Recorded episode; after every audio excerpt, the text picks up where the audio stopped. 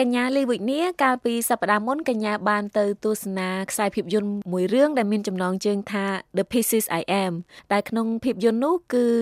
បង្ហាញអំពីខ្សែជីវិតរបស់អ្នកស្រី Toni Morrison អញ្ចឹងតើកញ្ញាអាចជម្រាបទស្សនិកជនរបស់យើងបានទេថាតើអ្នកស្រី Toni Morrison នឹងគឺជាអ្នកណាដែរ អ្នកស្រី Toni Morrison គាត់គឺជាអ្នកនិពន្ធដ៏មានទេពកោសល្យនិងល្បីល្បាញម្នាក់ជនជាតិអាមេរិកាំងហើយគាត់ក៏ជានាយកនិពន្ធនៅរោងពុម្ព Random Random House ហើយអមអ្នកស្រី Toni Morrison ហ្នឹងគាត់បានល្បីល្បាញដោយសារតែគាត់បានសរសេរសៀវភៅប្រឡោមលោកជាច្រើនដែលនិយាយអំពីបទពិសោធន៍និងខ្សែជីវិតរបស់ ជនជាតិអាមេរិកាំងស្បែកខ្មៅដែលរស់នៅក្នុងប្រទេសអាមេរិកប៉ុន្តែជាអកុសលនៅថ្ងៃច័ន្ទទី5ខែសីហាកន្លងទៅនេះអ្នកស្រី Toni Morrison គាត់បានទទួលមរណភាព នៅអាយុ88ឆ្នាំហើយនៅទីក្រុងញូវយ៉កអញ្ចឹងតើសិភៅដែលនិយាយអំពីដែលភាគច្រើននិយាយអំពីជនជាតិអាមេរិកកាំងហ្នឹងតើបង្ហាញអំពីទស្សនវិជ្ជាអ្វីខ្លះបានជាធ្វើឲ្យអ្នកស្រីទទួលបានការគ្រប់គ្រងនិងមានភាពល្បីល្បាញយ៉ាងដូចនេះក្នុងការសរសេរសិភៅរបស់គាត់ហ្នឹងគាត់បានប្រើ ភាសាមួយដែលខុសពីអ្នកនិពន្ធផ្សេងផ្សេងគាត់បានប្រើភាសាមួយលក្ខណៈជាការលើកទឹកចិត្តជាការបង្ហាញថាជនជាតិអាមេរិកកាំងស្បែកខ្មៅអាចធ្វើនេះធ្វើនោះបានដោយគាត់មិនបានប្រើភាសាមួយដែលធ្វើឲ្យអ្នកអានហ្នឹងមើលទៅ មានភាពអាណិតអាសូរដល់ជនជាតិស្បែកខ្មៅជនជាតិអាមេរិកស្បែកខ្មៅទេប៉ុន្តែគាត់ធ្វើឲ្យអ្នកអានហ្នឹងមើលទៅថាជនជាតិអាមេរិកស្បែកខ្មៅហ្នឹងមានសមត្ថភាពធ្វើនេះធ្វើនោះបានហើយគាត់យល់ដឹងពីការប្រើភាសាបានច្បាស់ហើយអញ្ចឹងគាត់អាចទៅសេសិភៅដោយប្រើការសម័យសម័យផុសគាត់ដោយប្រើរបៀប ពាក្យពេចន៍កំណាប់កាបឃ្លោងក្នុងការបញ្យល់ដល់អ្នកអានហ្នឹងឲ្យគាត់យល់អំពីខ្សែជីវិតនិងតថភាពសង្គមពិតរបស់ជនជាតិអាមេរិកស្បែកខ្មៅកាលពីមុនទសវត្ស1960ចា៎ដោយសារកញ្ញាបានលើកឡើងច្រើនតកតងទៅនឹងការលើកទឹកចិត្តទៅដល់ជនជាតិអាមេរិកស្បែកខ្មៅអញ្ចឹងនាងខ្ញុំចង់ឲ្យកញ្ញាជួយជម្រាប ប្រវត្តិបន្តិចថាតើមានរឿងអ្វីខ្លះកើតឡើងទៅលើអាមេរិកកាំងជនជាតិស្បែកខ្មៅបានជាអ្នកស្រីសរសេរសភៅតាក់ទងទៅនឹងការលើកទឹកចិត្តដល់ពួកគាត់ហើយទទួលបានការគ្រប់គ្រងនិយាយជារួមទៅអាមេរិកមានប្រវត្តិសាស្ត្រតាក់ទងនឹងរឿងការរើសអើងពូជសាសន៍ប្រជាជនស្បែកសដែលមកតាំងទីលំនៅនៅសហរដ្ឋអាមេរិកលើកដំបូងហ្នឹងគាត់មានសិទ្ធិកាន់កាប់ជនជាតិអាហ្វ្រិកដែលត្រូវបានគេជួញដូរមកពីប្រទេសអាហ្វ្រិកហ្នឹងឲ្យធ្វើជាទាសករបំរើនៅក្នុង ផ្ទះឬក៏នៅតាមចំការដាំដំណាំរបស់ពួកគេហើយពេលនៅពេលដែលពួកជនជាតិអាហ្វ្រិកដែលគាត់បានត្រូវបានគេជួញដូរមកប្រទេសអាមេរិកហ្នឹងគាត់ក៏បានតាំងទីលំនៅនៅប្រទេសអាមេរិកហើយបង្កើតជាកូនជាចៅទៅហើយពួកគាត់ក៏ខ្លាយទៅជាជនជាតិអាមេរិកកាំងអឺស្បែកខ្មៅឬក៏យើងថានិយាយថាជនជាតិអាមេរិកកាំងដែលមានដើមកំណើតមកពីប្រទេសអាហ្វ្រិក ហើយចាប់ពីពេលចាប់ពីឆ្នាំ1776នោះមកជនជាតិអាមេរិកកាំងដើមកំណើតអាហ្វ្រិកហ្នឹងត្រូវបានគេជួញដូរធ្វើបាបហើយបិទសិទ្ធិសេរីភាពទាំងអស់ហ្នឹងមកហើយក្នុងរឿងរបស់អ្នកស្រី Toni Morrison ហ្នឹងគាត់បានរៀបរាប់ពី ថាតើពួកគាត់នឹងត្រូវបានជនជាតិអាមេរិកកាំងស្បែកសនឹងធ្វើបាបអីគេខ្លះរហូតមកដល់ឆ្នាំ1861ទៅប្រទេសអាមេរិកធ្លាក់ចូលនៅក្នុងសង្គ្រាមស៊ីវិលដែលសង្គ្រាមហ្នឹងក៏កើតឡើងដោយមានការចង់ឲ្យលុបបំបាត់ទេសភាពនៅក្នុងសហរដ្ឋអាមេរិករហូតដល់ក្នុងឆ្នាំ1965ទើបសហរដ្ឋអាមេរិកបានលុបបំបាត់ របបទេសភាពនឹងបានដោយស្វ័យប្រវត្តិប៉ុន្តែទោះបីជានៅក្នុងក្នុងឆ្នាំ1865នឹងអាមេរិកបានលុបបំបាត់របបទេសភាពនឹងហើយក៏ដោយក្តីក៏ប្រជាពលរដ្ឋ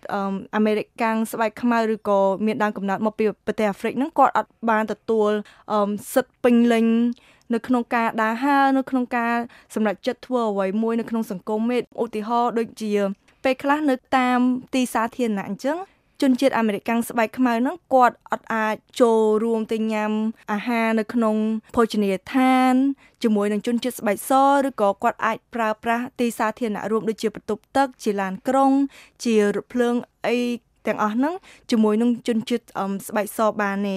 ចឹងហើយអ្នកស្រី Toni Morrison ហ្នឹងគាត់បានសរសេររឿងប្រឡោមលោកដែលបង្ហាញពីតថភាពជាក់ស្ដែងរបស់សង្គមអាមេរិកកាំងនៅសម័យនោះនៅពេលដែល ជនជាតិអាមេរិកកាំងស្បែកខ្មៅនឹងត្រូវបានគេគៀបសង្កត់និងបំបិតសិទ្ធិសេរីភាពចា៎ចាអឺចុះនៅក្នុងភាពយន្តដែលបង្ហាញអំពីជីវិតរបស់អ្នកស្រី Toni Morrison វិញតើមាននិយាយអ្វីខ្លះដែរពីដំណើរជីវិតរបស់អ្នកស្រីនៅក្នុងភាពយន្តនោះចាអមនៅក្នុង ភាពយន្តដែលរៀបរាប់អំពីជីវិតរបស់អ្នកស្រី Toni Morrison ហ្នឹងគឺគេចាប់ផ្ដើមអំពីជីវិតផ្ទាល់ខ្លួនរបស់អ្នកស្រីថាអ្នកស្រីគាត់បានកើតនៅក្នុងទីក្រុង Lawrence នៅក្នុងរដ្ឋ Ohio ដែលជារដ្ឋមួយសម្បូរទៅដោយការគៀបសង្កត់និងបបិទសិទ្ធិសេរីភាពជនជាតិអាមេរិកស្បែកខ្មៅហើយគេក៏បាននិយាយអំពីជីវប្រវត្តិរបស់អ្នកស្រីថាតើអ្នកស្រីបានចូលរៀននៅសាលាណាហើយហេតុអ្វីបានតើតើមានកត្តាអ្វីដែលអាចជំរុញឲ្យអ្នកស្រីក្លាយទៅជា អ្នកសរសេរសិភៅអ្នកនិពន្ធរឿងដ៏ដ៏មានទេពកោសល្យម្នាក់អញ្ចឹងនៅក្នុងហ្នឹងគាត់បាននិយាយថានៅក្នុងគ្រួសារគាត់ គ្រួសារគាត់មិនសូវជាអ្នកមានធូរធារអីប្រហែលទេប៉ុន្តែប៉ាម៉ាក់របស់គាត់ឪពុកម្ដាយរបស់គាត់ បានជំរុញឲ្យគាត់អានសៀវភៅមើលរឿងនិទានអ្វីៗទាំងអស់ហ្នឹងហើយអ្វីដែលឪពុកម្ដាយគាត់បានឲ្យគាត់ធ្វើតាំងពីតូចហ្នឹងទើបគាត់មានកូនចិត្តក្នុងការសរសេរសៀវភៅហើយបទពិសោធន៍ដែលអ្នកស្រីបានជួបផ្ទាល់នៅក្នុងសង្គមហ្នឹងចំពោះការគៀបសង្កត់និងការបំបិទសិទ្ធិសេរីភាពហ្នឹងបានជំរុញចិត្តអ្នកស្រីសរសេរសៀវភៅហ្នឹងឡើងដើម្បីឲ្យ ជួយលើកទឹកចិត្តដល់ជនជាតិអាមេរិកស្បែកខ្មៅដូចជាអ្នកស្រីហ្នឹងជួយលើកទឹកចិត្តឲ្យពួកគេធ្វើដំណើរបន្តទៅមុខទៀតនិងបន្តការអ្វីដែលពួកគេចង់ធ្វើនៅក្នុងសង្គមអាមេរិកចា៎ហើយអឹមក្រៅពីនិពន្ធសិភៅដែលទទួលបានជោគជ័យនិងការគ្រប់គ្រងយ៉ាងខ្លាំងនោះហើយតើអ្នកស្រី Toni Morrison មានធ្លាប់ទទួលបានពានរង្វាន់អ្វីដែរទេចា៎ ចាអមនៅក្នុងឆ្នាំ1987អ្នកស្រីបានទទួលពានរង្វាន់ Pulitzer Prize អមចំពោះរឿង Beloved ដែលអ្នកស្រីបាននិពន្ធហើយក្នុងរឿង Beloved ហ្នឹងអ្នកស្រីបានរៀបរាប់អំពីជីវិតរបស់ ស្ត្រីម្នាក់ដែលគាត់មានកូន4នាក់ហើយស្ត្រីហ្នឹងគាត់គឺជាទាសកររបស់ជនជាតិអាមេរិកស្បែកសនៅពេលនោះស្ត្រីហ្នឹងគាត់បានព្យាយាមរត់គេចពីរបបទាសភាពហ្នឹងប៉ុន្តែចៃដន្យអីគាត់ក៏ត្រូវបានគេចាប់បាន ដោយពេលគេចាប់បានហ្នឹងគាត់ក៏សម្រេចចិត្ត ចាក់បំពង់កផោះកូនពៅរបស់គាត់ដែលនៅជាទារិកានៅឡើយហ្នឹងឲ្យស្លាប់ហើយមូលហេតុដែលគាត់ធ្វើដូច្នោះគឺដោយសារតែគាត់មិនចង់ឲ្យកូនស្រីរបស់គាត់ហ្នឹងទទួលរងនឹងការគៀបសង្កត់និងការធ្វើទុកបុកម្នេញពីជនជាតិស្បែកសដោយដែលភិកច្រើនខ្មែរយើងគាត់គេនិយាយថារស់ពិបាកជាងស្លាប់ទៀតអញ្ចឹងគាត់អត់ចង់ឲ្យកូនគាត់រស់នៅធ្វើជាទេសកលគេគាត់ចង់ឲ្យកូនគាត់ស្លាប់ទៅវាប្រសើរជាងរស់នៅធ្វើជាទេសកលគេហើយក្នុងរឿងនេះអឺ ក៏បានឲ្យអ្នកស្រីទទួលបានពានរង្វាន់ Pulitzer Prize ហើយនៅក្នុងឆ្នាំ1993គាត់អ្នកស្រី Toni Morrison ក៏គាត់បានទទួលពានរង្វាន់ Nobel Prize ចំពោះស្នាដៃរបស់អ្នកស្រីក្នុងការរួមចំណែកទៅដល់អក្សរសាស្ត្រអង់គ្លេសពេលអ្នកស្រីថ្លែងសន្ទរកថានៅក្នុងពេលទទួលពានរង្វាន់ Nobel Prize ហ្នឹងអ្នកស្រីបានលើកឡើងអំពី អឺសុភៅដែលអ្នកស្រីសរសេរដំបូងគេបំផុតគឺដែលសុភៅនោះមានចំណងជើងថា The Bluest Eyes ដែលមានន័យជាភាសាខ្មែរថាភ្នែកខៀវជាងគេបង្អស់ដែល សុភៅនឹងបាននិយាយអំពីក្មេងស្រីជនជាតិអាមេរិកាំងស្បែកខ្មៅម្នាក់ដែលគាត់មានភាពតូចចិត្តថាហេតុអីគាត់កើតមកខ្មៅអឺហើយគាត់ចង់បានភ្នែកខៀវស្រងាត់ឲ្យដូចពួកជនជាតិស្បែកសព្រោះអីដែលគាត់គិតថាបើសិនជាគាត់បាន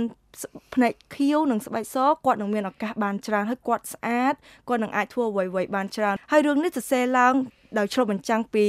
សង្គមអាមេរិកនៅពេលនោះដោយសារពេលនោះសង្គមអាមេរិកមានស្តង់ដារសម្រស់ណាដូចថាបើសិនជាអ្នកកើតមកជាជនជាតិស្បែកសអ្នកកើតមកស្បែកសមានភ្នែកខៀវអ្នកមានឱកាសច្រើនអ្នកមានអតិភិបលើសជាងអ្នកជនជាតិស្បែកខ្មៅដូច្នេះកូនក្មេងស្រីនៅក្នុងរឿង WSI ហ្នឹងគាត់ចេះតែចង់បានភ្នែកខៀវហើយគាត់ថាបើសិនជាគាត់បានភ្នែកខៀវមិនដឹងថាគាត់ល្អប៉ុណ្ណា ហើយនៅក្នុងឆ្នាំ2012អ្នកស្រីក៏ទទួលបានមេដាយសេរីភាពដែលប្រគល់ដោយអតីតប្រធានាធិបតីលោកអូបាម៉ាដោយសារតែស្នាដៃរបស់គាត់បានចូលរួមក្នុងការលើកកម្ពស់អក្សរសាស្ត្រអង់គ្លេសនិងនិងភាពក្លាហានរបស់អ្នកស្រី ក្នុងការទៀមទាសិទ្ធិឲ្យស្មើគ្នារវាងជនជាតិអាមេរិកស្បែកសនិងជនជាតិអាមេរិកស្បែកខ្មៅហើយនឹង ការទៀមទាឲ្យមានភាពស្មើគ្នារវាងបុរសនិងស្ត្រីពីព្រោះនៅក្នុងរឿង The Pieces I Am ដែលនិយាយអំពីជីវិតរបស់អ្នកស្រីហ្នឹងអ្នកស្រីបាននិយាយថានៅពេលដែលអ្នកស្រីទៀមទាមេរបស់គាត់ឲ្យដំឡើងប្រាក់ខែគាត់ឲ្យស្មើនឹងនាយកនិពន្ធផ្សេងផ្សេងទៀតនៅក្នុងកន្លែងធ្វើការរបស់គាត់ហ្នឹងមេរបស់គាត់បាននិយាយថា គាត់អត់អាចទទួលបានទេព្រោះអីដោយសារអីដោយសារតែនាយកនិពន្ធជាបុរសហ្នឹងជាមេគ្រួសារដែលរកលុយចិញ្ចឹមកូនអញ្ចឹងហើយអ្នកស្រីក៏គាត់បានតវ៉ាទៅមេរបស់គាត់វិញថាគាត់ក៏ជាអឺមេគ្រួសារម្នាក់ដែរដែលគាត់ចិញ្ចឹមកូនពីរនាក់អញ្ចឹងគាត់ក៏មានសិទ្ធិក្នុងការទៀមទាប្រាក់ខែស្មើនឹងបុរសដែរចំពោះភាពក្លាហានក្នុងការតវ៉ានឹងឲ្យធ្វើឲ្យអ្នកស្រីទទួលបានប្រាក់ខែស្មើនឹងអឺសហការីរបស់គាត់ចា៎ ជាចុងក្រោយនេះបន្ទាប់ពីកញ្ញាបានទស្សនាខ្សែភាពយន្ត The Pieces I Am នឹងហើយតើកញ្ញាដូចថាទទួលបានចំណុចសំខាន់មួយឬក៏ពីរអ្វីខ្លះពីក្នុងខ្សែភាពយន្តនេះក៏ដូចជាតាមរយៈការដូចថាស្រាវជ្រាវបន្ថែមអំពីអ្នកស្រី Toni Morrison ហើយនឹងស្នាដៃការងាររបស់គាត់ចាអមបន្ទាប់ពីមើលរឿងនឹងបានធ្វើអមការសិក្សាស្រាវជ្រាវពីអ្នកស្រី Toni Morrison ហើយខ្ញុំបានយល់ដឹងច្រើនអំពីតតិភាពសង្គមរបស់អមប្រទេសអាមេរិកនៅសម័យអ មមុនឆ្នាំ1960អំពីអមការរើសអើងពូជសាសន៍និងអមទេសភាពអ្វីផ្សេងផ្សេងចាហើយមួយទៀតដែលខ្ញុំដែលខ្ញុំបានរៀនពីអ្នកស្រីគឺភាពក្លាហានរបស់អ្នកស្រីហើយនឹងចំណេះដឹងខាងភាសានិងខាងអក្សរសាស្ត្ររបស់អ្នកស្រីដែរអ្នកស្រីអាចប្រើអក្សរសាស្ត្រក្នុងការបញ្ជ្រាបចំណេះដឹង ក្នុងការជះឥទ្ធិពលដល់បុគ្គលនានានៅក្នុងសង្គមអាមេរិកឲ្យយល់ដឹងអំពីបញ្ហា ការរើសអើងពូជសាសន៍ខ្ញុំបានចាប់អារម្មណ៍នៅសម្ដីដែលអ្នកស្រីគាត់បាននិយាយនៅពេលដែលគាត់បានទទួលពានរង្វាន់ Nobel Prize នៅក្នុងឆ្នាំ1993ហ្នឹងអ្នកស្រីបាននិយាយថាការប្រើភាសាក្នុងគោលបំណងមិនល្អដូចជាការប្រើក្នុងការរើសអើងពូជសាសន៍ សាសនានិងភេទมันអាចអនុញ្ញាតឲ្យយើងមានចំណេះដឹងថ្មីឬលើកទឹកចិត្តឲ្យយើងមានការផ្លាស់ប្ដូរមតិយោបល់គ្នាទៅវិញទៅមកនោះទេអញ្ចឹងអ្នកស្រីគាត់ចង់លើកទឹកចិត្តឲ្យអ្នកនិពន្ធផ្សេងផ្សេងប្រើភាសាប្រើអក្សរសាស្ត្រក្នុងភាពវិជ្ជមានជាជាង ប្រើភាសាក្នុងការវាប្រហារគ្នាទៅវិញទៅមក មួយទៀតអ្នកស្រីគាត់បាននិយាយថាគាត់អត់តូចចិត្តទេនៅពេលដែលគាត់បានកើតមកជាស្ត្រីជនជាតិអាមេរិកស្បែកខ្មៅហ្នឹងពីព្រោះគាត់ថាពីព្រោះគាត់ថាក្នុងនាមជាស្ត្រីអ្នកនិពន្ធអាហ្វ្រិកឬមានពណ៌សម្បុរខ្មៅហ្នឹងវាមិនមែនអត់ប្រយោជន៍នោះទេអឺតែវាជាប្រភពដ៏មានន័យមួយ ដែលអាចឲ្យគាត់នឹងសរសេរសភៅបាន ហើយប្រវត្តិរបស់គាត់ มันបានរៀបរៀងការគិតសម័យសម័យរបស់គាត់ក្នុងការសរសេរសៀវភៅឯប៉ុន្តែវាមានតែពង្រីកការគិតរបស់គាត់ទៅវិញអឺហើយគាត់គិតថាប្រវត្តិរបស់គាត់អឺអ្វីដែលគាត់មានគឺមានន័យជាងអ្នកនិពន្ធស្បែកសដែលសរសេរអំពីរឿងដែលសរសេររឿងតាក់ទងទៅនឹងសហគមន៍ជនជាតិអាមេរិកស្បែកខ្មៅពីព្រោះដោយសារគាត់ គឺជាស្ត្រីដែលស្ត្រីអាមេរិកជនជាតិស្បែកខ្មៅអញ្ចឹងគាត់មានបទពិសោធន៍ច្រើនគាត់ជួបប្រទះរឿងច្រើនអញ្ចឹងធ្វើឲ្យគាត់សរសេរសៀវភៅបានប្រសើរជាងជនជាតិអាមេរិកស្បែកសផ្សេងដទៃទៀតចា៎ ចាសសូមអរគុណដល់កញ្ញាវិជ្ញាដែលបានចំណាយពេលវេលាចែករំលែកចំណេះដឹងក៏ដូចជាបទពិសោធន៍ដែលទទួលបានពីការទស្សនាខ្សែភាពយន្តក៏ដូចជាចំណេះដឹងដែលបានមកពីការសិក្សាស្រាវជ្រាវអំពីអ្នកនិពន្ធជាស្ត្រីដែលជាជនជាតិស្បែកខ្មៅប៉ុន្តែទទួលបានការគ្រប់គ្រងយ៉ាងធំធេងនៅក្នុងសហរដ្ឋអាមេរិកនេះចាចាសូមអរគុណសូមជម្រាបលា ចាសូមអរគុណ